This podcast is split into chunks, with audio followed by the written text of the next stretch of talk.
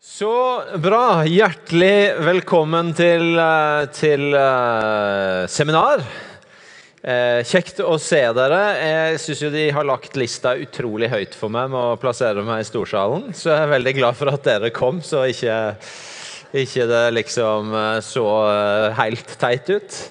Eh, vi eh, skal ha ca. 45 minutter sammen, og jeg har tror egentlig det er rett å si at jeg har blitt bedt om å snakke om lederskap, eh, så det skal jeg prøve å gjøre.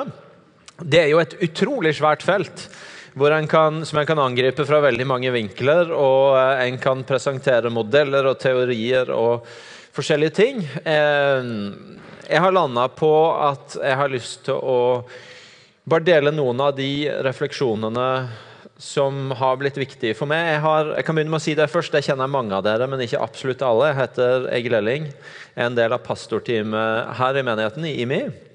Og har vært her i ti år nå. Det er ti år siden jeg var ferdig utdanna teolog. Eh, jeg bodde da i Oslo, eh, og jeg og Hildegunn flytta hit. Eh, og ble en del av denne menigheten. Og det har vært ti år med utrolig mye læring. Og utrolig mye spennende å være med på.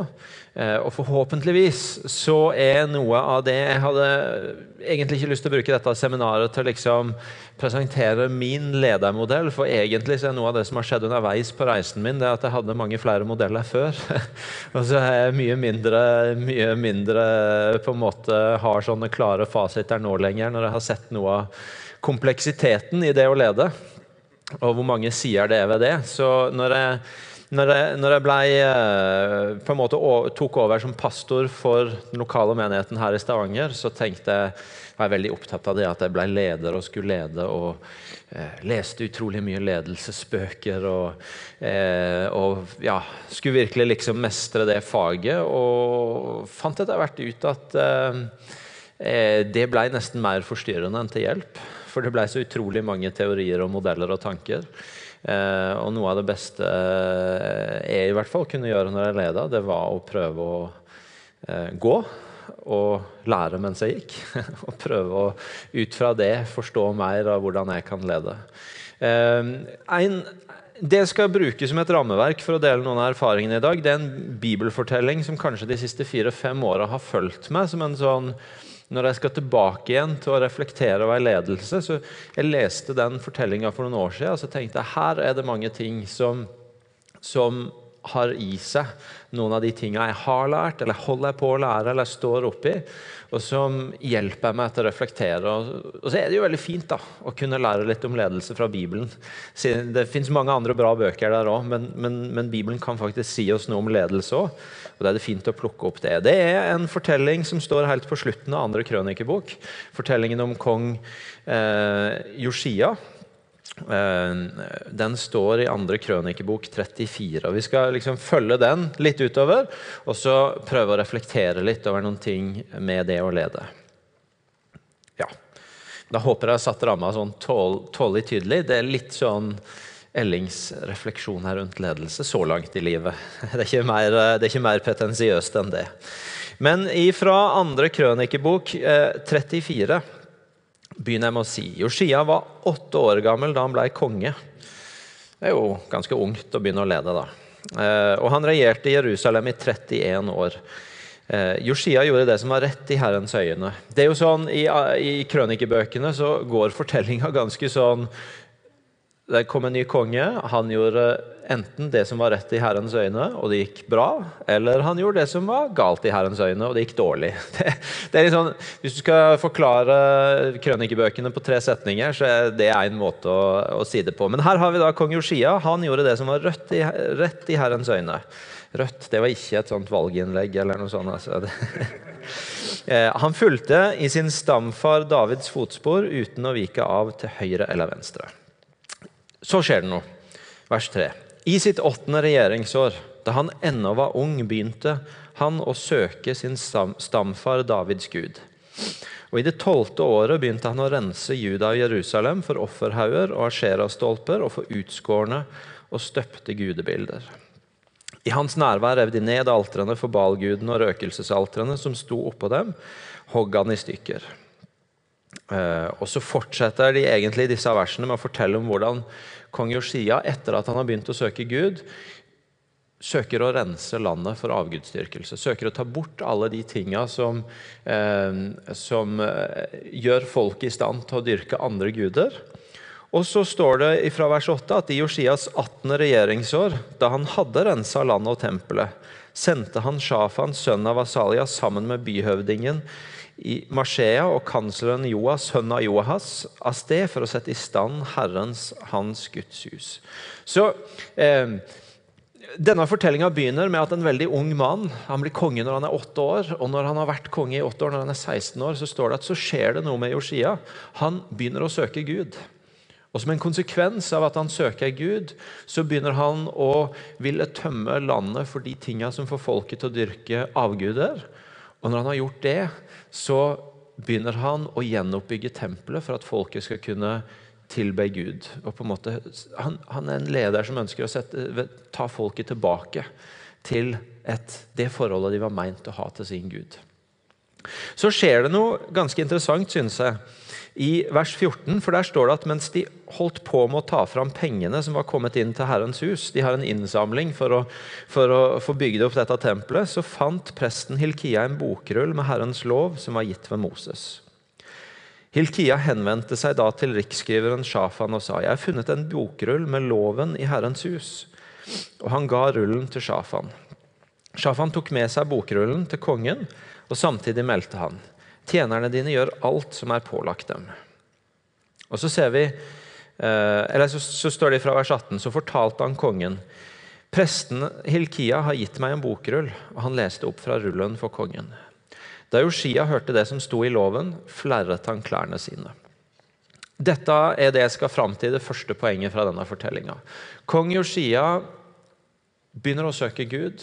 Han begynner å gå på Guds vei ved å ta bort avgudsdyrkelse, gjenoppbygge tempelet. Og så skjønner vi når vi leser litt videre at han hadde ikke tilgang på loven. Han hadde om du vil, ikke tilgang på boka, på Bibelen.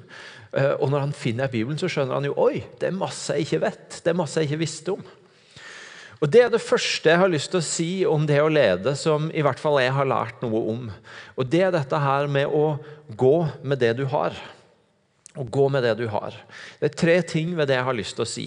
Og Det første handler om det der med at nettopp at kong Yoshia han, han, han har åpenbart oppdaga noe som har fått han til å søke Gud, og som har fått han til å handle på det, sånn at han vil ta bort avgudsdyrkelsen og gjenoppbygge tempelet. Men, men, når de finner boka, så oppdager han jo at det var masse han ikke visste. Og det er situasjonen for alle oss som prøver oss på å lede. Det er at vi veit noe, og så er det veldig masse vi ennå ikke veit. Vi er alle underveis i en prosess hvor vi har lært noe og vi har sett noe. Men hvis kriteriet vårt for å skulle prøve oss på lederskap var at jeg må vente til jeg vet alt, så kommer vi aldri i gang. Noe av det som er så utrolig forbilledlig med historien om kong Josia, det er denne her unge mannen som, som, ikke hadde boka. Som ikke hadde tilgang på alt, som ikke kunne vite alt, men som en ung 16-årig konge gjør en eller annen erfaring med Gud som gjør at han bare begynner å gå. Og Det, er, det finnes mange sånne sayings på det som kan underbygge det jeg sier. Sånn som at eh, Jeg har hørt f.eks. sånne ting som at eh, vil, eller, lengselen din etter å ta den perfekte beslutninga kan få deg til å ta en skikkelig dårlig beslutning. I den forstand at vi kan bli så opptatt av at alt skal være rett, at vi skal vite alt, at vi trenger å lese ei bok til, gå på et seminar til, finne ut mer for å tørre å begynne å gå. Men noe av det viktigste vi gjør som ledere, det er å tørre å begynne å gå med det vi vet, med det vi har sett. Våge å begynne på en vei for det om vi ikke vet alt. Fordi at eh, det er, for å si Det sånn, det var, det var ved at Josia begynte å gå, at den prosessen starta som førte til at de fant bokrullen, som gjorde at han fikk loven, som gjorde at han fikk se hvordan det egentlig skulle være. For det han oppdager, som vi snart skal se, det er jo at det var masse de ikke gjorde rett i sin gudsdyrkelse i forhold til loven. Men han hadde ikke funnet den hvis ikke han begynte å gå med det han visste. Og det er, vi, vi, vi, er som mennesketyper litt forskjellige der. Men, men, eh, jeg kan i hvert fall si at for min type, som i utgangspunktet er en litt sånn safe type, som liker å ha litt kontroll på ting, og som liker å føle at jeg vet, og at det gjør jeg fornuftig, så er det en utrolig god utfordring i å se på kong Yoshia og lære at vi må, vi må tørre å begynne å gå med det vi har. Ja, må du, må du ha eksamen fra et eller annet kurs eller skole for å kunne begynne å be for syke? Nei. Hvis du har lært at Gud helbreder, så begynn å be for syke. Hvis du, må, du, må du på en måte være teolog med spesialisering i misjonal kirke for å begynne å lede et fellesskap i at vet du noe, vi må ut der blant folk og bygge relasjon og dele tro for å kunne begynne å gjøre det? Nei, det holder at du egentlig har oppdaga at Guds bevegelse er utover mot denne verden. Og så må vi begynne å prøve å finne ut sammen hva det er. Veldig viktig del av ledelse er å gå med det du har. Det andre jeg har lyst til å si om akkurat det der med å gå med det du har, og, og det som skjer med kong Josia her, det er nettopp betydningen som leder. For nå snakker jeg jo ikke sant, Eh, jeg vet at det er annerledes etter hvilken kontekst en leder i. Om en leder i en eh, bedrift eller en kirke. Men nå snakker jeg jo ganske spesifikt som åndelig lederskap fra et kristent ståsted. Eh, og da er den verdien av å ha hørt Gud, av å ha en åpenbaring som et utgangspunkt for at du begynner å gå, utrolig verdifullt. Da er vi litt tilbake til det jeg sa når jeg varma opp litt her med innledning av min egen reise på at oi, jeg skal begynne å lede en stor menighet. Jeg må lese meg opp på ledelseslitteratur og, og på en måte finne mange gode redskaper for å, for å kunne lede denne gjengen. Når jeg, når jeg, overtok lederteamet til menigheten her i Stavanger, så var jeg den som var yngst i det teamet, og jeg var den som hadde vært her kortest. Og Nå skal jeg på en måte være teamleder for den gjengen, og jeg tenkte oi, jeg må bli flink på ledelse. Men så oppdaga jeg egentlig at alt når jeg leste så mye om ledelse, så ble jeg på mange måter en dårligere leder fordi at det ble så mye støy inn som skulle fortelle meg om at jeg måtte gjøre det sånn og sånn og sånn, at jeg ikke var forankra i hva jeg sjøl hadde hørt Gud på, og, ha, og kunne ha det som utgangspunkt for å lede. For jeg sier ikke nå at det er unyttig å lære redskaper og modeller og, og, og ting som, som øker ferdighetene våre. Men det er tingenes rekkefølge er ikke uvesentlig. Det er ikke uvesentlig om du begynner med å ha hørt Gud på noe, og så henter en ting, redskap, læring, jeg leser ting som hjelper deg til å gå på det Gud har talt til. Eller om du begynner med å lese alle ledelsesbokene og så håper at kanskje Gud smetter inn i det. Det er, det er en helt annen prosess hvis du får begynne med at ok, men her er noe jeg vet at Gud har talt til meg om. La oss begynne å gå på det. Jo, da må, jeg, da må jeg være sammen med han som har gått lenger enn meg på det. Da må jeg, da må jeg lese den boka eller høre den podkasten eller på et eller annet vis få inn læringa som utruster meg til det jeg vet Gud leder meg til. Tingenes rekkefølge er ikke likegyldig. Og um, um, Det skulle være en selvfølge, men en viktig del av min prosess har vært å lære at noe av det viktigste jeg gjør som leder, det er å verne om min egen tid i stillhet med Gud. Fordi hvis ikke jeg gjør det, så blir alt det andre styrt av så mange stemmer utenfra. Det er En annen ting vi som ledere vet, er at det kommer utrolig mange til oss og snakker om alt som er bra, alt vi skulle gjort. Så mange mail og hviske i øret og ting. Og, og det, er, det, er, ikke noe galt i det. Det er ingen av de som gjør noe galt. De er jo bare begeistra for noe og vil noe. Og, og, selvfølgelig spiller de inn det, og det skal de gjøre. Det er deres fulle frihet. Men for meg som leder, hvis det ikke er rota i min egen tid i stillhet med Gud, så blir jeg utrolig forvirra på hva jeg skal gjøre med alle de innspillene. Men hvis jeg har den, så kan jeg vite hvordan jeg skal respondere på alle stemmene utafra. Det å verne om. Og det har jeg jo lært som leder, at det er det faktisk en av de tingene. Det er mange, det er mange som kan bry seg om en leder, som kan heie på en leder, som kan si Oi, det ser ut som du løper fort nå. Passer du på å slappe av? Eller hvordan har familien din det? Eller er det mye omsorg å møte?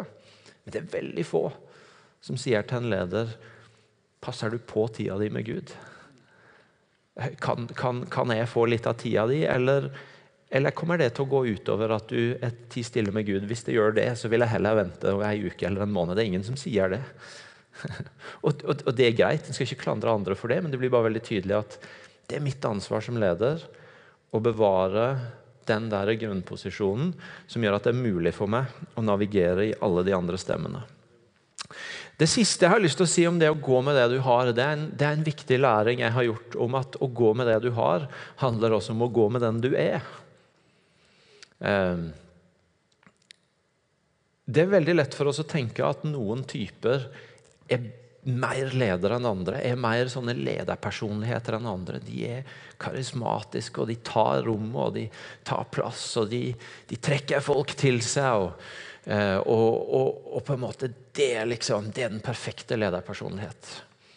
Vel, vi, Nå har jeg jo sagt litt om å være litt forsiktig med å forlese seg på ledelseslitteratur, men hvis vi allikevel skal lære noe fra ting som er forska på om ledelse, så En av de tingene som ledelsesforskning viser, det er at den perfekte lederpersonlighet ikke finnes. Men at gode ledere vet hvordan de bruker personligheten sin. Den perfekte lederpersonlighet finnes ikke, men gode ledere vet hvordan de bruker sin personlighet, og tør å lede ut fra den de er, og ikke ut fra den forgjengeren de sin var, eller den de føler at de burde være, eller, eller, eller. En historie om det som, som, jeg har fortalt noen ganger, og, og, gjerne kan fortelle igjen, som ble veldig tydelig for meg når jeg var i denne prosessen. Eh, når, når, jeg begynte å være pastor her, så sa Martin til meg du må passe på å være tilgjengelig for folk etter gudstjenestene på søndagene. Fordi at du, du eh, det, Vi er et såpass stort team nå på stab, og, og, det er så masse som skjer, at du gjennom uka så er du så travel at mange mennesker i menigheten som kanskje skulle ønsket å få snakket med deg, sagt noe til deg, på et eller annet vis vært i kontakt med deg, de vil oppleve at du er litt utilgjengelig fordi at timeplanen din er full. Så på søndagen etter gudstjenesten så må du være ute i, i torget, du må være tilgjengelig sånn at folk kan få tak i det. Og jeg tenkte ja, det er fint, det det er fint, det. Så jeg, så jeg, gikk ut i torget etter gudstjenesten og stilte meg opp ved et kafébord og tenkte ja, ja, her er jeg. Jeg er klar, jeg. Kom an. Det kom jo ingen. Jeg sto der jo. Og så gikk jeg på Det var en, det var en snill fyr som, som, er leder i en annen menighet, men som også jobber i business med ledercoaching, som tidlig i min tid som pastor tilbød meg å, å gå et sånt løp med han på, på ledercoaching, som han ga til andre ledere som jobba i forskjellige virksomheter. Og, og det starta med at han tok en sånn ganske omfattende test på meg, hvor jeg slo veldig sterkt ut på uavhengighet. Det synes jeg var rart. Jeg hadde aldri tenkt på meg sjøl som en uavhengig person. Og så var det sånn at Relasjonen mellom meg og han den hadde begynt med at han Eh, hadde med seg et team som planta en menighet her i byen. og Da hadde han tatt kontakt med meg for om ikke vi kunne møtes og ta en kaffe og snakke om at de kom, og, og at de trengte å kjenne oss og ha relasjon til oss. Og Så sa han til meg nei, det overrasker meg ingenting at du slo ut som uavhengig. Jeg husker jeg veldig godt første gang jeg traff du på kafé. Hele kroppsspråket ditt det uttrykte sånn cirka som følger. Det er helt greit at vi er her, men jeg trenger ikke du. Det, det, var hans, det, var hans, opplevelse av møtet med at mitt kroppsspråk det sa jeg trenger ikke du. Men det er greit at vi sitter her. Vi kan godt sitte her, men, men jeg har ikke bruk for det. Og For meg så var det det tok meg fullstendig off guard. Jeg hadde ingen anelse om at jeg kunne ha en sånn utstråling. Og så, eh, og så begynte jeg å tenke at jeg ganske ofte har fått høre at en fyr som kan være litt vanskelig å komme inn på, men som er ganske ok når han først blir kjent med meg. Eh, og en del sånne tilbakemeldinger. Så begynte jeg å skjønne å ja, det kan hende at det er en grunn til at jeg står der ved det kafébordet og ingen kommer bort til meg. Det kan hende at jeg i mitt kroppsspråk, som type som den er, i utgangspunktet kan oppleves litt utilgjengelig. Så kanskje må jeg gjøre noe annet som leder for at mennesker skal oppleve at de kan komme i kontakt med meg. Og Så begynte jeg å gjøre noen andre grep i forhold til medlemskveldene som vi brukte her på huset. tok jeg hjem i stua vår, som var for meg en mye sånn lettere arena å komme ut på. Jeg begynte å gjøre noen andre grep. Men po poenget er ikke eh, min utilgjengelighet. Jeg har fortalt denne historien et par ganger før, og da er det jo noen som har kommet til meg etterpå og liksom nærmest ville drive sjelesorg med meg på, på den oppdagelsen om meg sjøl. Men jeg lever helt greit med det, så dere trenger ikke å uroe dere for meg. Men, men poenget er at det er lettere og leder godt når du veit hvem du er. Og du bruker personligheten din i stedet for å føle på noen du skulle vært. Jeg, jeg, jeg, jeg har gleden av å være på team med Øystein Øvergård, som, som det, det, det, går jo ikke an å få han å gå inn i et rom uten at alle ser at han kommer. og Sjøl kan jeg veldig godt både komme inn i et rom og være ganske lenge i et rom uten at så mange legger merke til det. Og Det har gjort at jeg lenge har tenkt at jeg leder på tross av den jeg er, mer enn pga. den jeg er. Men hele den runden med å finne ut at du leder med den personligheten du er, fikk meg til å forstå at nei, men det er jo ikke sånn det er. Men jeg har en annen utstråling, jeg har en annen karisma, som gir meg et annet fundament for å lede enn det kanskje andre mer utadvendte typer gjør. Igjen, Poenget er du går med det du har, du leder med den du er. Og, og gode ledere er på den reisen av å forstå hvem en sjøl er. Og ikke gjøre det til et problem, men gjøre det til en mulighet for å lede. Henger med så langt? Ja, det er bra. Det andre jeg har lyst til å se på ut fra dette her, det er jo at eh, Det vi begynte å touche på, nemlig at denne bokrullen blir funnet, og kong Joshia får høre hva som egentlig står i loven.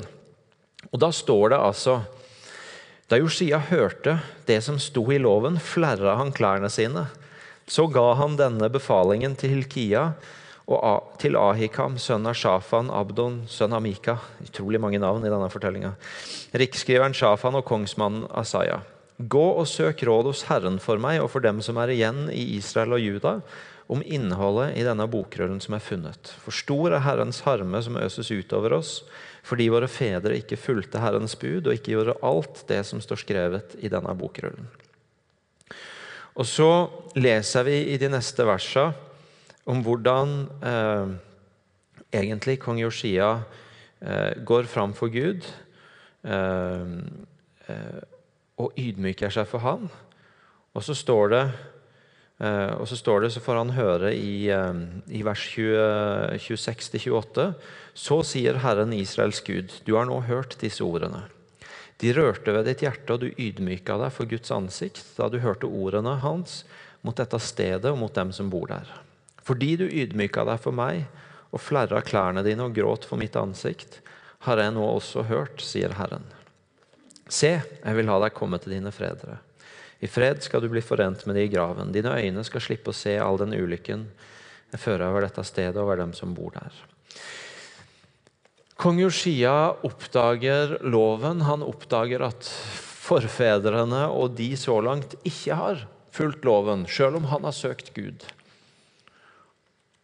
Og så er det veldig interessant å spørre seg hva slags respons kong Josia gir på det. For jeg tenker at det hadde egentlig ikke vært urimelig om kong Josia sa til Gud Du, jeg har gjort så godt jeg kunne. Jeg har søkt du. Jeg har rydda landet for avgudsdyrkelse. Jeg har begynt å gjenoppbygge tempelet. Jeg visste ikke bedre. Jeg har gjort mitt beste. Kom an. ikke, ikke begynn å lage problemer med dette. Og den fella står vi som ledere også jevnlig i fare for å gå i. Hvor vi mister den grunnleggende ydmykheten av at eh, det å få lede er en tillit vi blir gitt, ikke en tillit vi har fortjent. Det er på en måte en reise vi hele veien er på, hvor det ikke handler om at vi har gjort oss fortjent til det, men at vi har blitt betrodd et ansvar, en tillit, som vi forvalter. Og så er det så fristende for oss, særlig når vi har holdt på en stund, og på et eller annet vis miste den ydmykheten og bli litt selvrettferdige. Gud, ser du hvor mye jeg har lagt ned i dette her? Ser du hvor mye jeg har ofra? Ser du i forhold til de jeg leder, hvor mange ekstra mil jeg går? Skal han drive og kritisere meg når jeg bruker så mye tid og krefter på dette?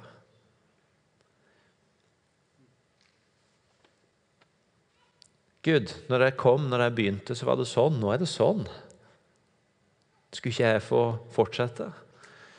Det, det er så lett for oss underveis i reisen som leder å miste noe av den grunnleggende ydmykheten på at 'dette har jeg ikke fortjent', men jeg har blitt gitt det.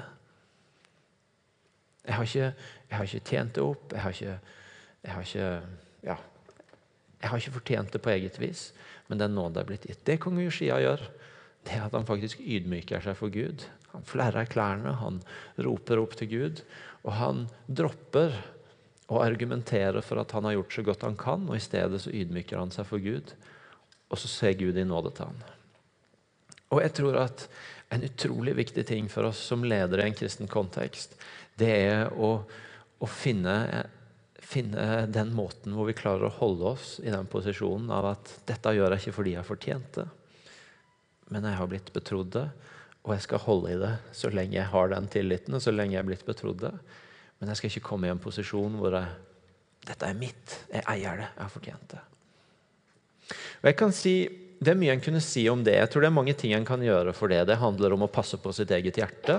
Det handler om å ha folk tett innpå en som kan utfordre en. Men, men, jeg har lyst til å si en ting som i en del norske sammenhenger kanskje ikke alltid er så korrekt å si men som i hvert fall er min historie, siden jeg nå lovte at jeg skulle litt, nei, fortelle litt av min historie.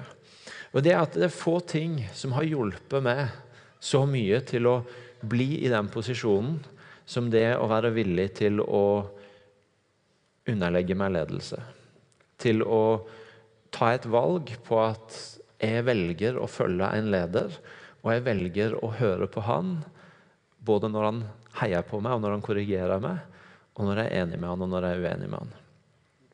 Ehm, jeg opplevde ganske tidlig etter at jeg kom hit, at, for, at det, det, jeg kjente var mitt kall, og det jeg skulle gjøre, det var å dedikere min tjeneste til å gå sammen med Martin som min leder.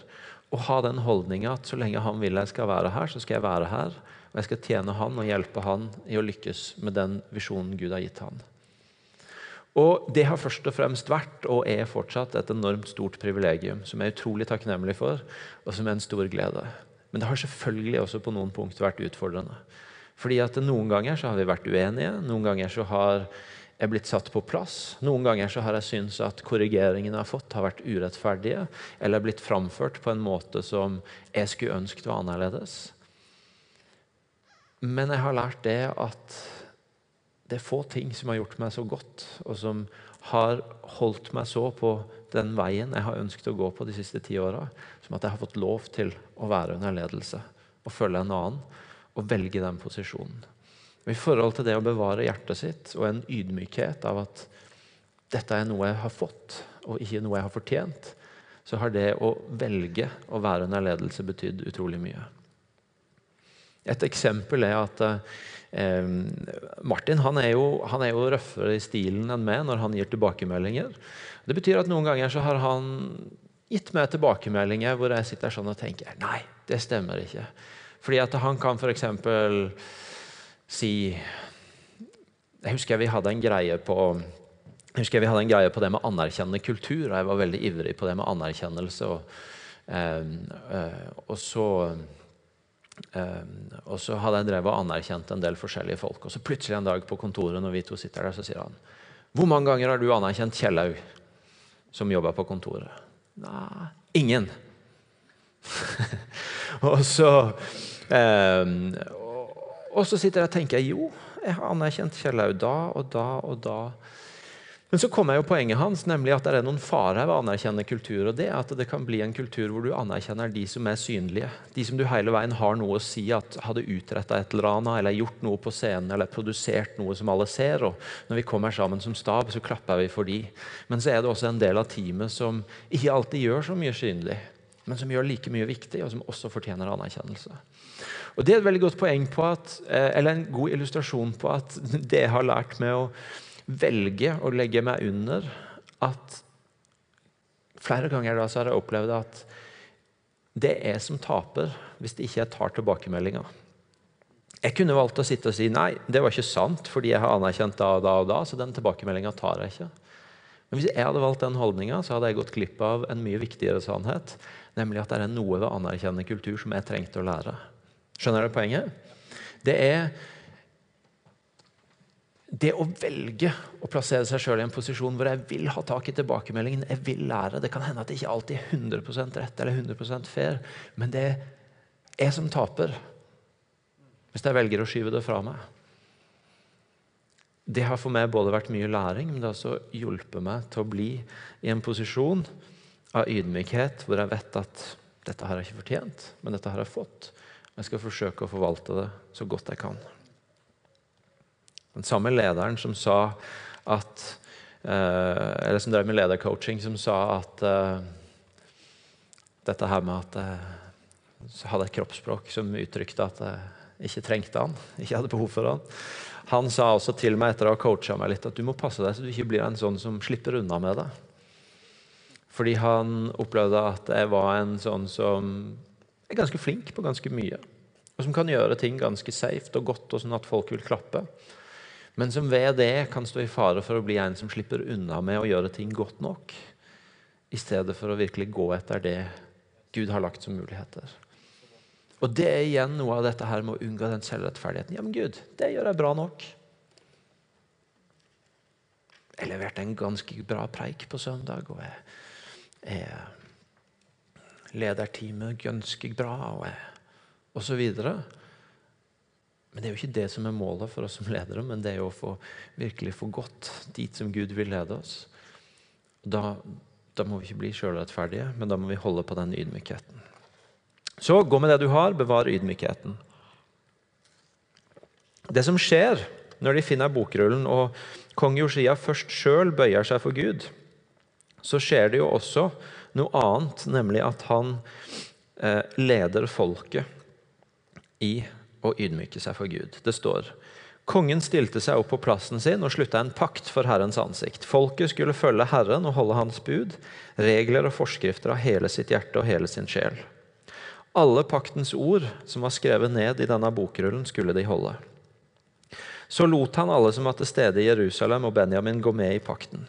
Og de som bodde i Jerusalem, levde etter pakten de hadde slutta med Gud, sine fedres Gud.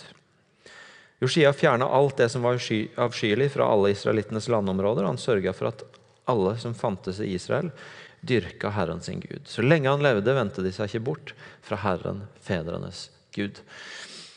Kong Josia ydmyker seg sjøl for Gud, og så leder han folket og gjør det samme. Han går foran, og så setter han opp et rom som gjør at det er mulig for folket å følge etter. Det er kanskje noe av det viktigste vi gjør som ledere. Det å etablere et rom som gjør at andre får mulighet til å tre inn i det samme.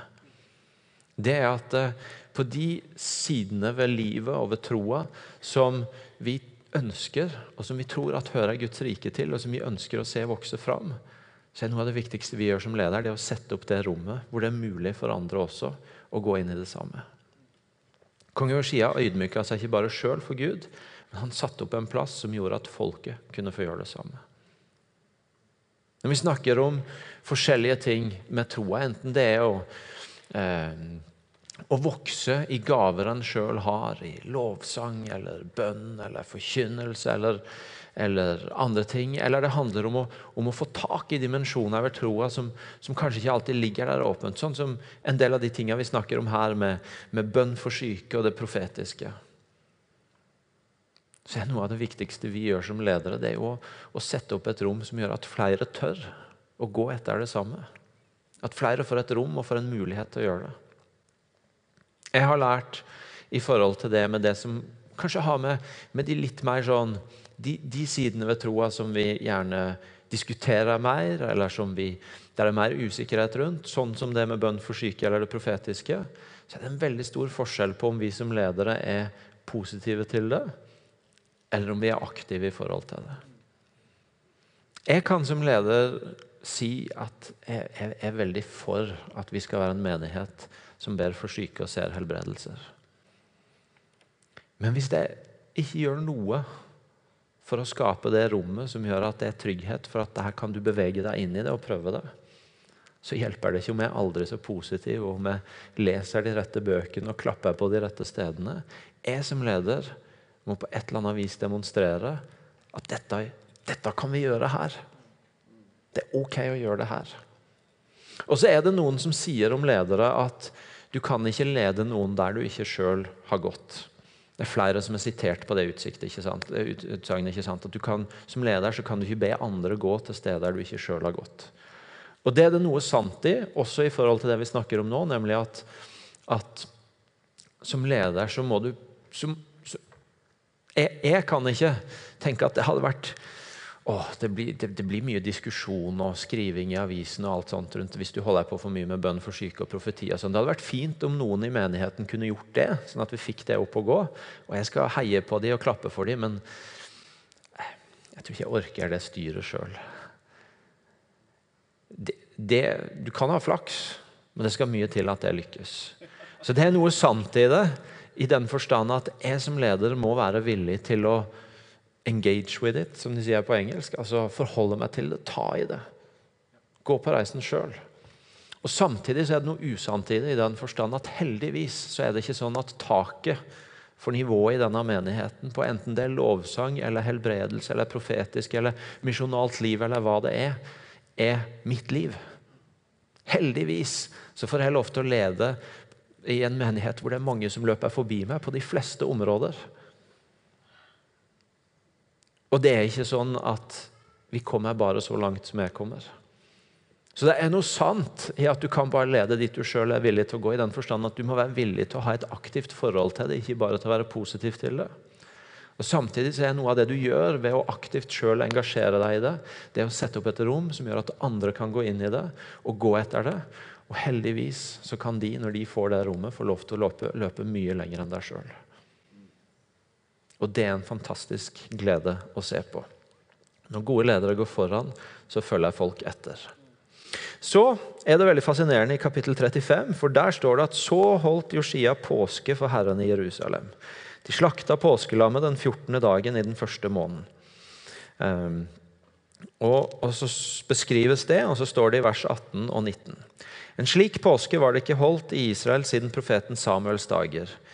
Ingen av Israels konger hadde holdt en slik påske som den Josia feiret sammen med prestene og levitene, alle judeerne og de israelittene som var til stede, og med dem som bodde i Jerusalem. Det var først i Josias 18. regjeringsår at en slik påske ble feira. Det var først i Josias 18. regjeringsår at en slik påske ble feira. Åtte år etter at kong Josia ble konge, så begynte han å søke Gud. I ti år så renska han landet for avgudsdyrkelse. Han gjenoppbygde tempelet, han leda folket inn i en ydmykelse for Gud. Og først etter ti år så kunne folket feire påske sånn som det skulle feires. Vi tar oss bare inn i det som har med tidsaspektet ved ledelse å gjøre.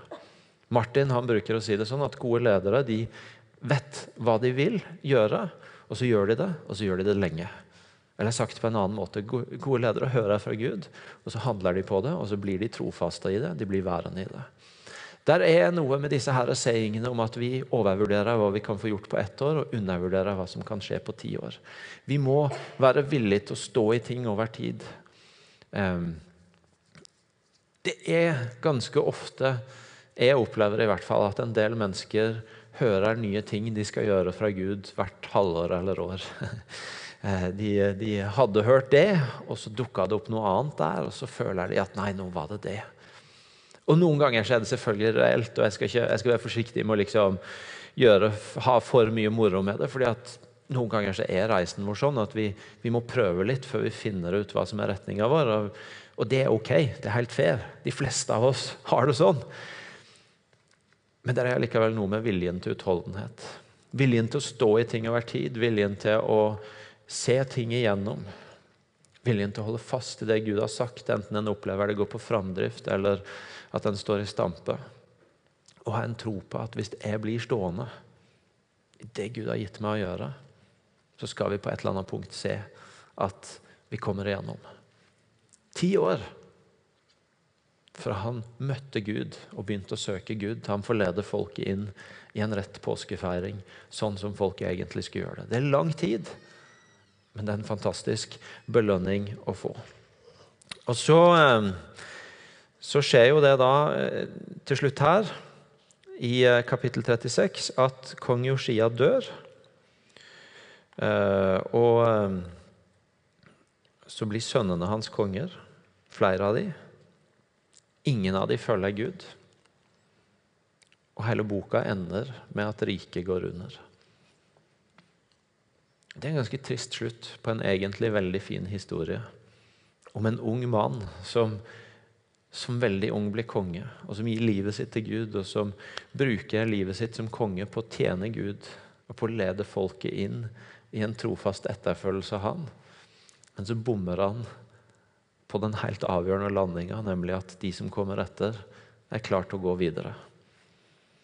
Og Det er jo det store alvoret for oss alle når vi leder. at det meste av det vi leder. Det kan være noen unntak nå og da, at Gud har bedt oss om å gjøre noe som er for bare ei bestemt tid. Men i de aller fleste situasjoner så er vi som ledere bedt om å bygge noe som noen andre kan ta videre etter oss. Og Da blir det store spørsmålet er vi villige til å ikke bare sjøl gå med det Gud har gitt oss, men er vi villige til å bruke tida vår på den møysommelige prosessen det er å investere i andre mennesker, sånn at de kan ta over det vi har leda, og ta det videre? Er vi villige til å bruke tida på å investere i folk? Er vi villige til å gradvis tre til side og slippe andre til? Er vi villige til å feire at andre kanskje går lenger enn oss? Det er noe av lederskapets store alvor. Om vi, om vi, får på plass det, og det er noe av det som er så synd mange steder i kirkelige sammenhenger, at man har sin glanstid, men så feiler man på det avgjørende punktet. Og så må man begynne på nytt igjen. Um, jeg har vært utrolig heldig å få følge en leder som både har investert mye med og gitt mer rom.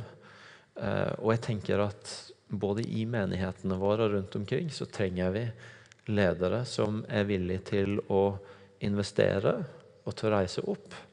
Og vi trenger unge mennesker som er villige til å følge og til å se verdien av å ikke alltid være helt fri til å gjøre alt som en vil med en gang, men til å i stedet bli gitt noe mye viktigere, nemlig noe å forvalte, som noen andre har bygd opp, og som gjør at man slipper å begynne på nytt igjen hver eneste gang.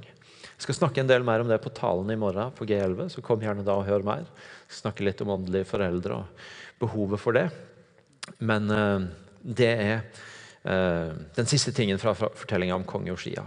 Så det er noen ting som jeg har lært i løpet av ti år, og som jeg bare hadde lyst til å reflektere litt med dere ut fra den bibelfortellinga. Gå med det du har, med den du er. Vern om tida med Gud, som gjør at du kan gå med det Gud har talt til du om, og ikke det alle andre prøver å påvirke deg med. Eh, bevar ydmykheten på at dette har du ikke fortjent, men dette har du fått. Eh, sett, bruk tida di som leder på å sette opp et sted som gjør at andre kan vokse inn i ting og få boltre seg i det Gud har for dem. Våg å stå i det lenge nok til at gjennombruddet kommer, og bygg ledere som kan komme etter deg, eh, og som kan ta det videre. Ja, jeg tror det var det. Vi har, jeg ser at uh, vi har fem minutter igjen. Så eh, hvis noen har lyst til å spørre om noe, eller kommentere noe, eller være uenige om noe så kan vi gjøre det. Jan Helge? Veldig bra. Ja, så bra. Noen eh, spørsmål eller kommentarer? Noen ting som jeg har sagt som dere har lyst til at jeg skal si noe mer om? Nei?